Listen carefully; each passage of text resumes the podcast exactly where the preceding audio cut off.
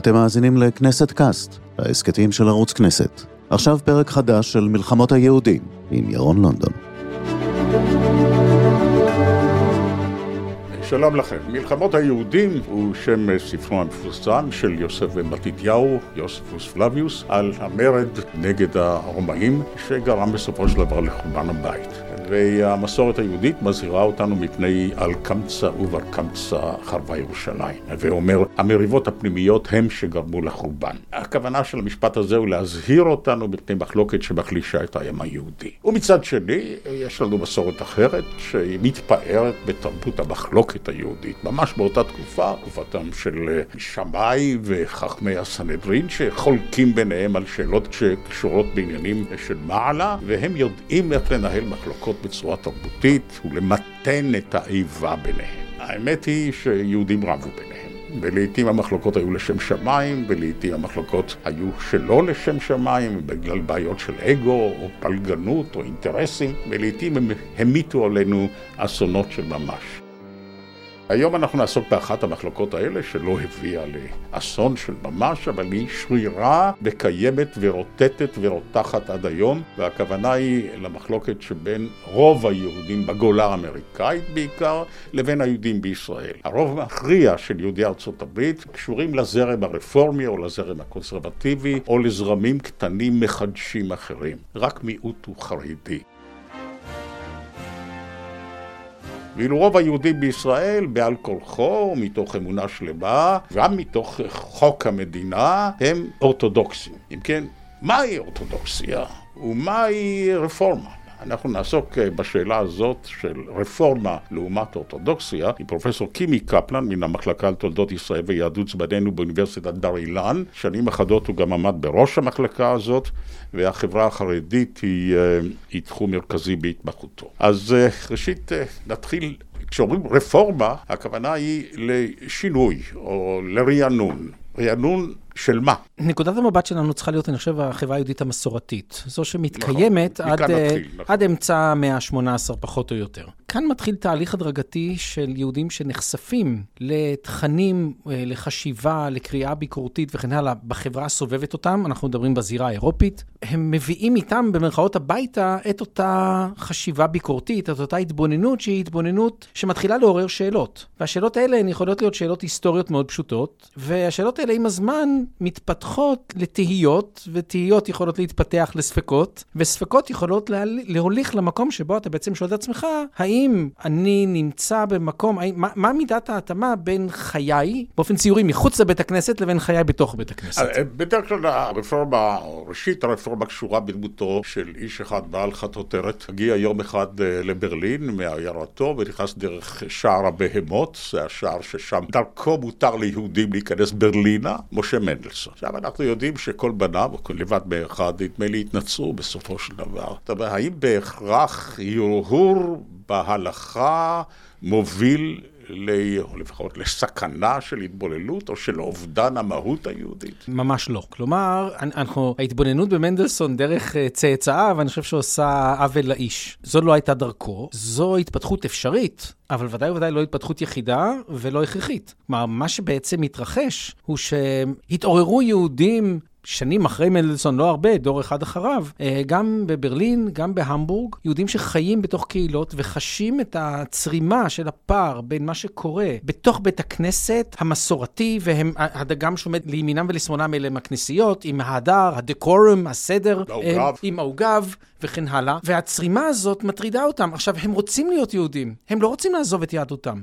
הם רוצים להתאים את זירת בית הכנסת מבחינת המנהגים, אפילו לא לגעת בטקסט בשלב הזה, לחייהם, להפוך את זה ליותר רלוונטי. כי חוסר רלוונטיות מייצרת אדישות, אדישות מייצרת ניכור, ואנשים מתרחקים. בלי הרפורמציה לא הייתה אה, רפורמה ביהדות. הרפורמציה הכוונה פתיחת שערי הגטו, הכרה איטית, ממושכת, אבל תוך שלושה ארבעה דורות, בזכויות האדם של היהודי. וזה בגרמניה. זה- זה קורה זה- תחילה בגרמניה, בצרפת. זה נכון, אבל בוא נזכור שאחת הסיבות, אה, אחד הקטליזטורים להגירה לארה"ב באמצע המאה ה-19, היה כישלון מהפכות 1848, שבעצם כישלון אותו חזון גדול, והיהודים מצאו את עצמם במקום מאוד מאוכזב, ואמרו, אוקיי, אז אין לנו מה לחפש פה יותר, בוא נלך לאמריקה. כן. שני מיליון יהודים עקרו לאמריקה מ-1880 בערך עד אה, שלהי מלחמת העולם הראשונה, פחות או יותר. תנועת הגירה עצומה, אז אה, שיצרה קהילה אדירה בארצות הברית. בוא נרחיב אותה, נתחיל אותה מ-1870, כי זו בעצם נקודת ההתחלה האמיתית, עד 1924. שזה יהודים גרמנים בעיקר. לא, לא, יהודים גרמנים זה 1820 עד 1870. זה נקרא הגירה. גרמנית, אבל זה לא רק יהודים גרמנים, זה היו יהודים פולנים ואחרים שהיגרו. אבל המספרים, וכאן אתה צודק לגמרי, ה- השוני הגדול. כלומר, בין 1820 ל-1870 היגרו כ-250 עד 300 אלף יהודים מאירופה לארצות הברית. מ-1870 עד 1924 אנחנו מדברים על קרוב לשלושה מיליון. כן. כלומר, פי עשר. אה, עכשיו, ה- היהודים שם מקימים את הזרם הרפורמי. מדוע? מפני שיש להם אפשרות כזאת. מפני שבמזרח אירופה היהודים בשטיבלים, אם אתה פורש מהסביבה של הכנסייה שלך, של בית הכנסת שלך, אתה מוקע. על ידי הקהילה בעיירות, אתה או מתבולל לחלוטין, הופך לקומוניסט, רחמנא ליצלן. באמריקה יש אפשרות אחרת, ואולי משום הפרוטסטנטיות. כלומר, הדגם הזה של אה, התפרקות של דתות מסורתיות עתיקות הוא דגם אמריקאי. שם יש אוונגליזם, יש היום המון כנסיות. נו, אז יש גם כנסייה יהודית שהיא יהדות אחרת. אז אני חושב שזה יותר אולי התפרקות הממסד הקתולי, הזהות של, של נצרות עם ממסד קתולי שיושב באירופה ושולט ב... הוא לא שולט במדינות, אבל הוא שולט בנכסים, הוא שול... כוחו בשלטון הוא עצום. אה, תנועת הרפורמה נוסדה באירופה, ובאמצע שנות ה-40 של המאה ה-19 יש שלוש ועידות רבנים בגרמניה. 1844, 45, 46.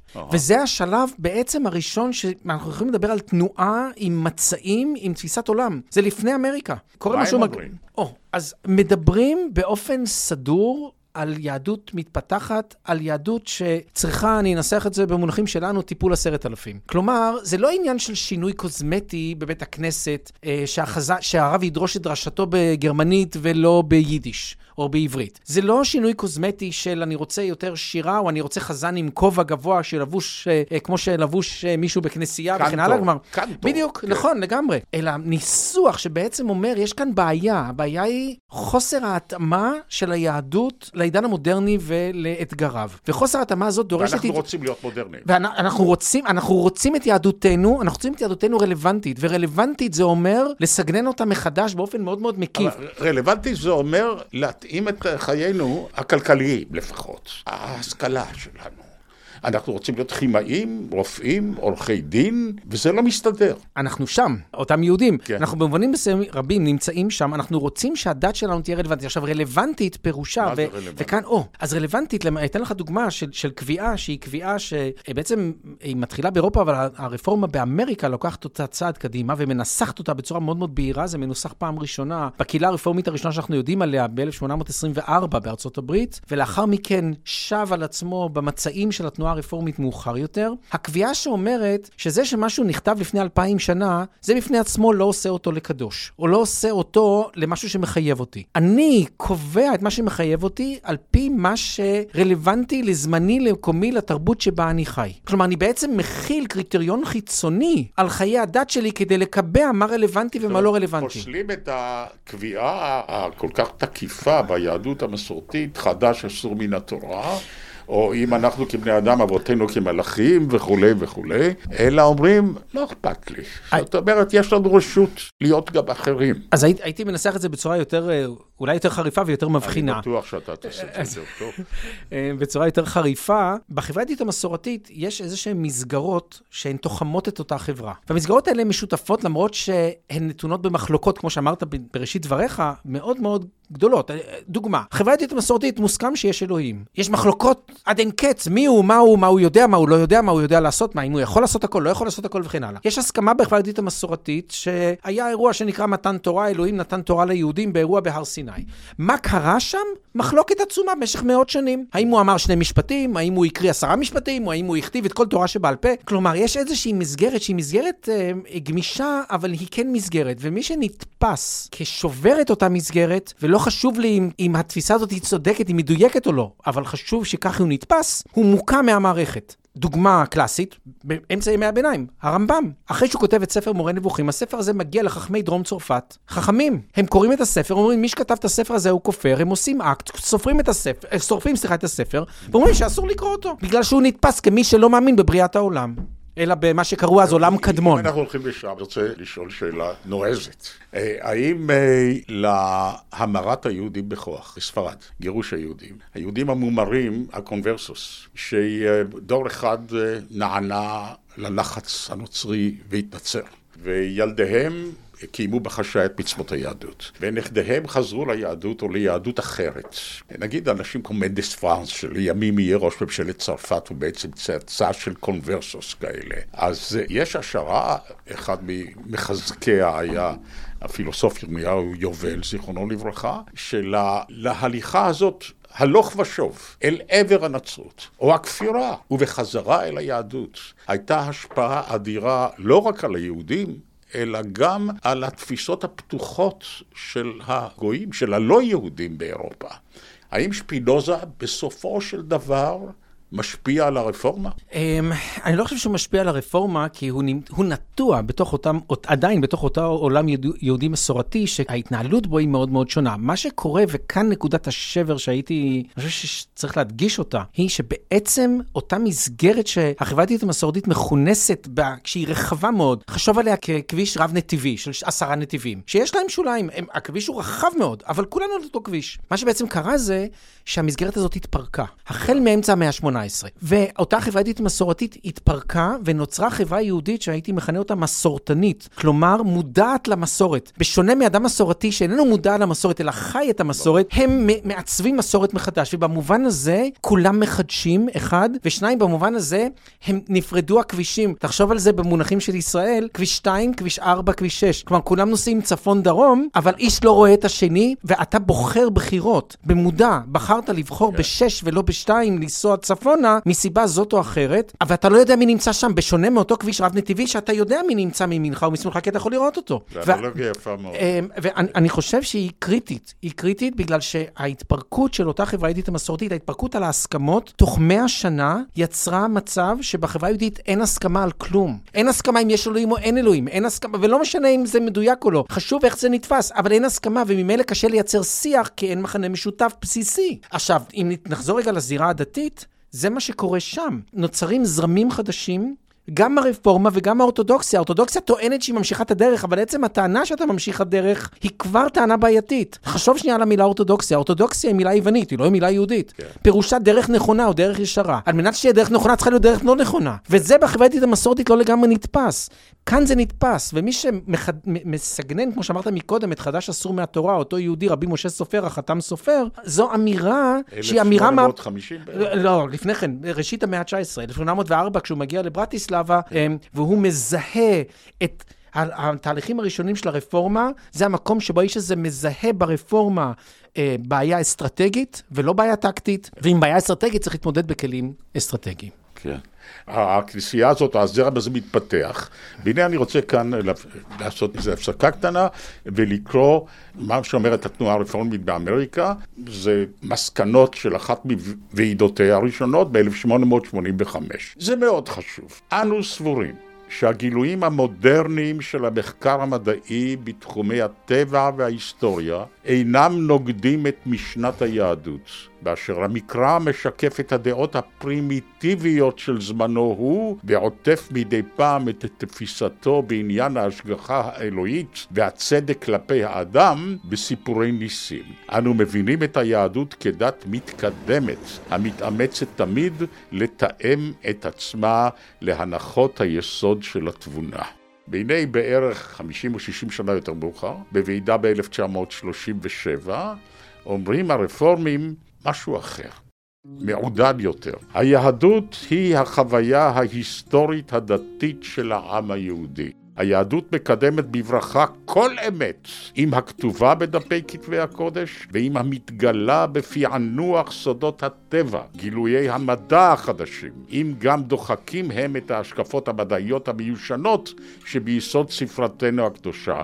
וכולי וכולי. הם אלה לא נוגדים את הרוח היהודית. זאת אומרת, אפשר לכפור בנוסח אה, תיאור בריאת העולם, כפי שהוא כתוב בספר בראשית, ולומר, זה פרשנות אגדית אולי, או זה משל, אבל לא כך נברא העולם, ולהישאר יהודי. אתה צודק, דוגמה אולי נוספת, את יכולה לחדד את זה. המילה פרימיטיבית כאן היא לא מילה שהשימוש בה הוא ביקורתי, אלא מילה שאומרת בעצם, וזה בפני עצמו לא חידוש, זה דבר שהרמב"ם ואחרים כבר אמרו אותו במשך דורות, אל, אל, אל, אל תטעה להישאר ברובד הסיפורי של הטקסט. חפש את, את התוכן שעומד מאחוריו. עכשיו, יציאת מצרים, יש לנו תיאור, באמת, תיאור מופלא, אה, המים נבקעו, אה, בני ישראל עברו, המצרים טבעו, נכון? דרמה גדולה מאוד. חוקרים במאה ה-19 כבר טענו שיש מקומות בים סוף, שבהם כאשר יש שפל אפשר לעבור אותו כמעט ברגל, ומקומות שיש גאות, וכשבאה גאות, אין סיכוי שתעבור אותו. עכשיו, זה דבר שאיננו סותר את התיאור המקראי, אלא זה גילוי מאוחר מחקרי, שנותן לו פשר,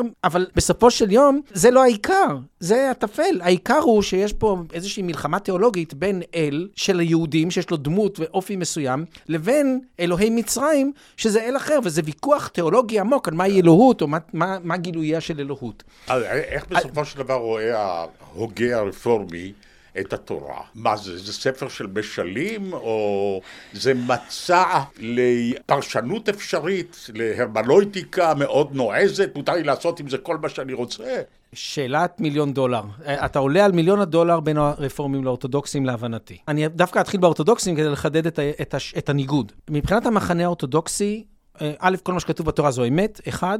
שתיים, אה, הליבה היא המקרא וההוראות הנורמטיביות ההתנהגותיות, עשה ואל תעשה כך yeah. כן. ואחרת. וכמובן נלווה ספרות הרבנית, שהיא מקבעת או פותחת את אותם כללים ומנסחת אותם ברמה משפטית אה, מאוד מאוד סדורה ומפורטת עד פרטי פרטים. זו נצחיותה. קמה הרפורמה, ודאי באמריקה, ואמרה, לא, זה לא הצד הנצחי בתורה. בדיוק הפוך, הצד הנצחי בתורה הוא המסר ה... של אמונה באל אחד, והמסר המוסרי-אנושי שנובע מתוך אמונה באל אחד, משונה מאלילויות. מוסריות, שלא היו מוסריות, ויש כאן חידוש עצום, זה הפטנט היהודי, זה החידוש. אוקיי, הח... אז חידשת. רגע, רגע, רגע, תן לצד השני. ההיטל לצד השני הוא שאין שום חידוש, לא בקורבנות ולא בריטואל כזה וריטואל אחר. היו מלא עמים שהקריבו קורבנות, אז בא עוד אחד ומקריב קורבנות. זה לא נצחי, זה חולף, וזה נתון לפרשנותי. והיו לא מעט רבנים בתנועה הרפורמית באמריקה, אה, ודאי בסוף המאה ה-19, מאותו מצע פיטסבורג שהקראת אותו מ-1885, התכנסו שם כ-20 רבנים וניסחו אותו. רובם האמינו שהגרעין, שהוא גרעין אלוהי נצחי, זה עשרת הדיברות, שרובם המכריע הם דיברות בעלות משמעות תיאולוגית, מוסרית, חברתית, כולל שבת והורים ולא תרצח ולא תנאף וכן הלאה. וכל השאר זה משהו שהוא מפיהם של רבנים והם בני אדם, וכאן נכנס חישוב הרלוונטיות ונכנס חישוב ההתאמה לסביבתי. וכאן אני יכול לקחת את דבריהם של אותם רבנים ולחלוק, אה,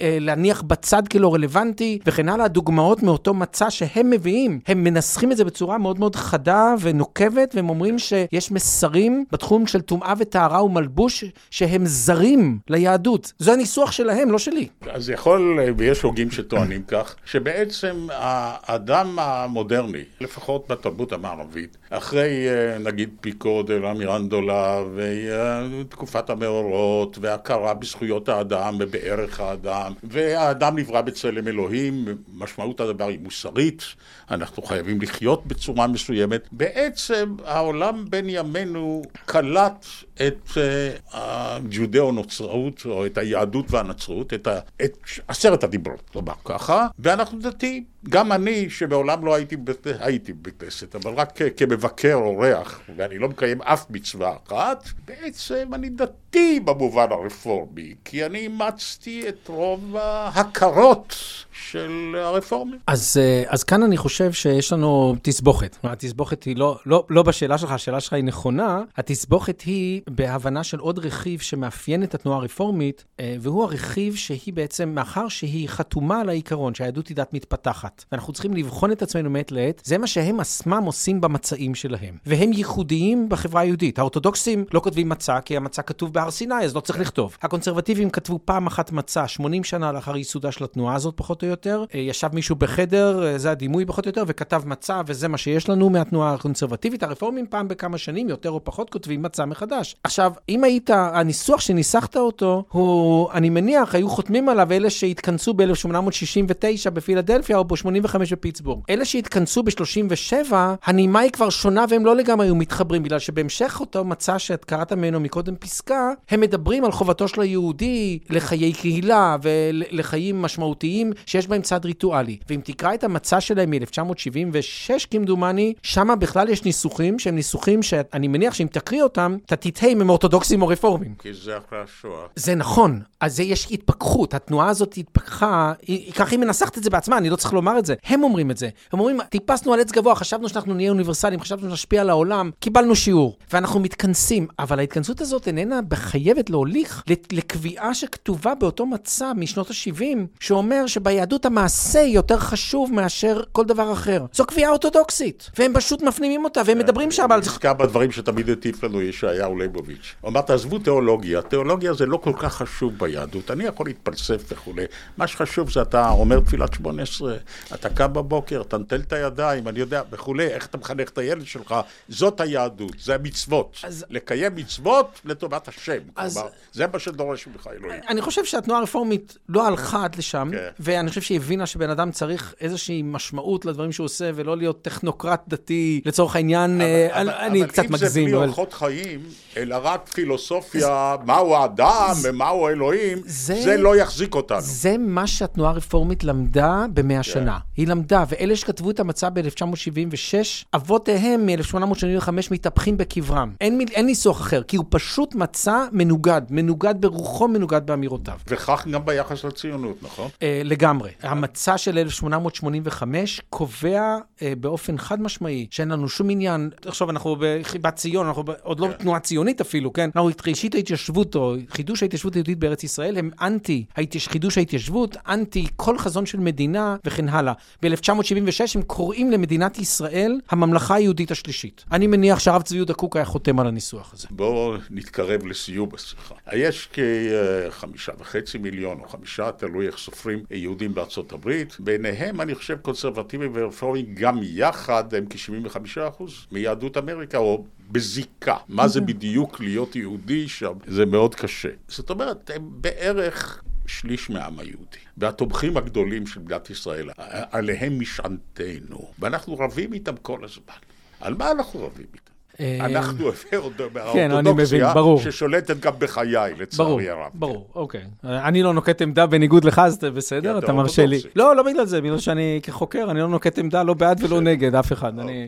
הייתי אומר את זה כך, אמ, קודם כל, הרפורמים האורתודוקסים והקונסרבטיביים באמריקה הם לא סך 100% יהודי אמריקה. יש באמריקה קרוב למחציתם שהם לא מזדהים ארגונית קהילתית יהודית, שזה DNA חדש מאוד בעולם היהודי שאנחנו לא מכירים כמוהו במספרים כאלה. אכן צדקת, התנועה הרפורמית היא קרוב ל-40% מאותם יהודים שמזדהים ברמה הדתית, הקהילתית, הארגונית. התנועה הקונסרבטיבית היא בשנים האחרונות בנסיגה גדולה. האורתודוקסיה מדשדשת אחרי שניהם, היא, היא צומחת, אבל היא מדשדשת אחרי שניהם. והיא באמת מיעוט. ואמרת את זה, אני חושב, בראשית דבריך, מדינת ישראל, עוד מתקופת המנדט, במובנים רבים, כלומר, לפני הקמת המדינה, כבר הרבנות הראשית בעצם קבעה DNA אורתודוקסי, שמדינת ישראל, כשהוקמה, בעצם אה, קיבעה אותו. הבריטים יצרו אותו, אישרו אותו, ומדינת ישראל קיבעה אותו. העות'מאנים. אה, צודק. ומדינת ישראל בעצם אישרה אותו, ונתנה את המפתחות בידי המחנה האורתודוקסי לקבוע את הנורמות ואת הכללים, הרבנות הראשית וכן הלאה, מעמד אישי וכל כיוצא באלה. ה-DNA הממסדי הזה, האורתודוקסי, לא מכיר ב... הרפורמים. אחד. שתיים, ולא פחות חשוב בעיניי, יש ציבור גדול מאוד בישראל, שהוא ציבור שהוא איננו בהכרח אורתודוקס באורח חייו, אבל ברירת המחדל שלו היא כשהוא עושה משהו, הוא עושה אותו אורתודוקסי. כלומר, אם הוא עושה בר מצווה, הוא יעשה את זה בבית כנסת אורתודוקסי, וכן הלאה.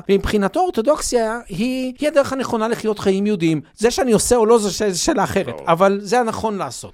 כמו שאמר מישהו, בית הכנסת האורתודוקסי הוא זה שאינני הולך אליו. או, זה המקום בעיניי הרבה יותר מרתק. זה שיש אה, מערך ארגוני במדינה שיש לו אה, עניין, כן, הוא מנהל מלחמה במרכאות עם העולם הרפורמי, זה דבר אחד, וזה גורם להרחקה ולניכור ולירידה בתרומות ולירידה בביקורים של רפורמים כאן, כי לאורך השנים זה המסר שהם מקבלים. אין, כן, אין, אין כאן שום הפתעה. שאלת הגיור. אה, ועוד איך, זה הכל, זה הגיור, זה נשות הכל, כל דבר, כל דבר. כן. השאלה המעניינת היא, איך זה שהתנועה הרפורמית וגם הקונסרבטיבית, שהיא שונה משתיהן, לא הצליחו עד היום להכות גלים בחברה בישראל. יש בחברה בישראל ציבור גדול מאוד שקוראים לו ציבור מסורתי. אין לנו כמעט חילונים בישראל, חילונים במובן של שוודיה, מספר קטן מאוד בכל הסקרים. אני מדי פעם בודק עם מי אני. אה, אז...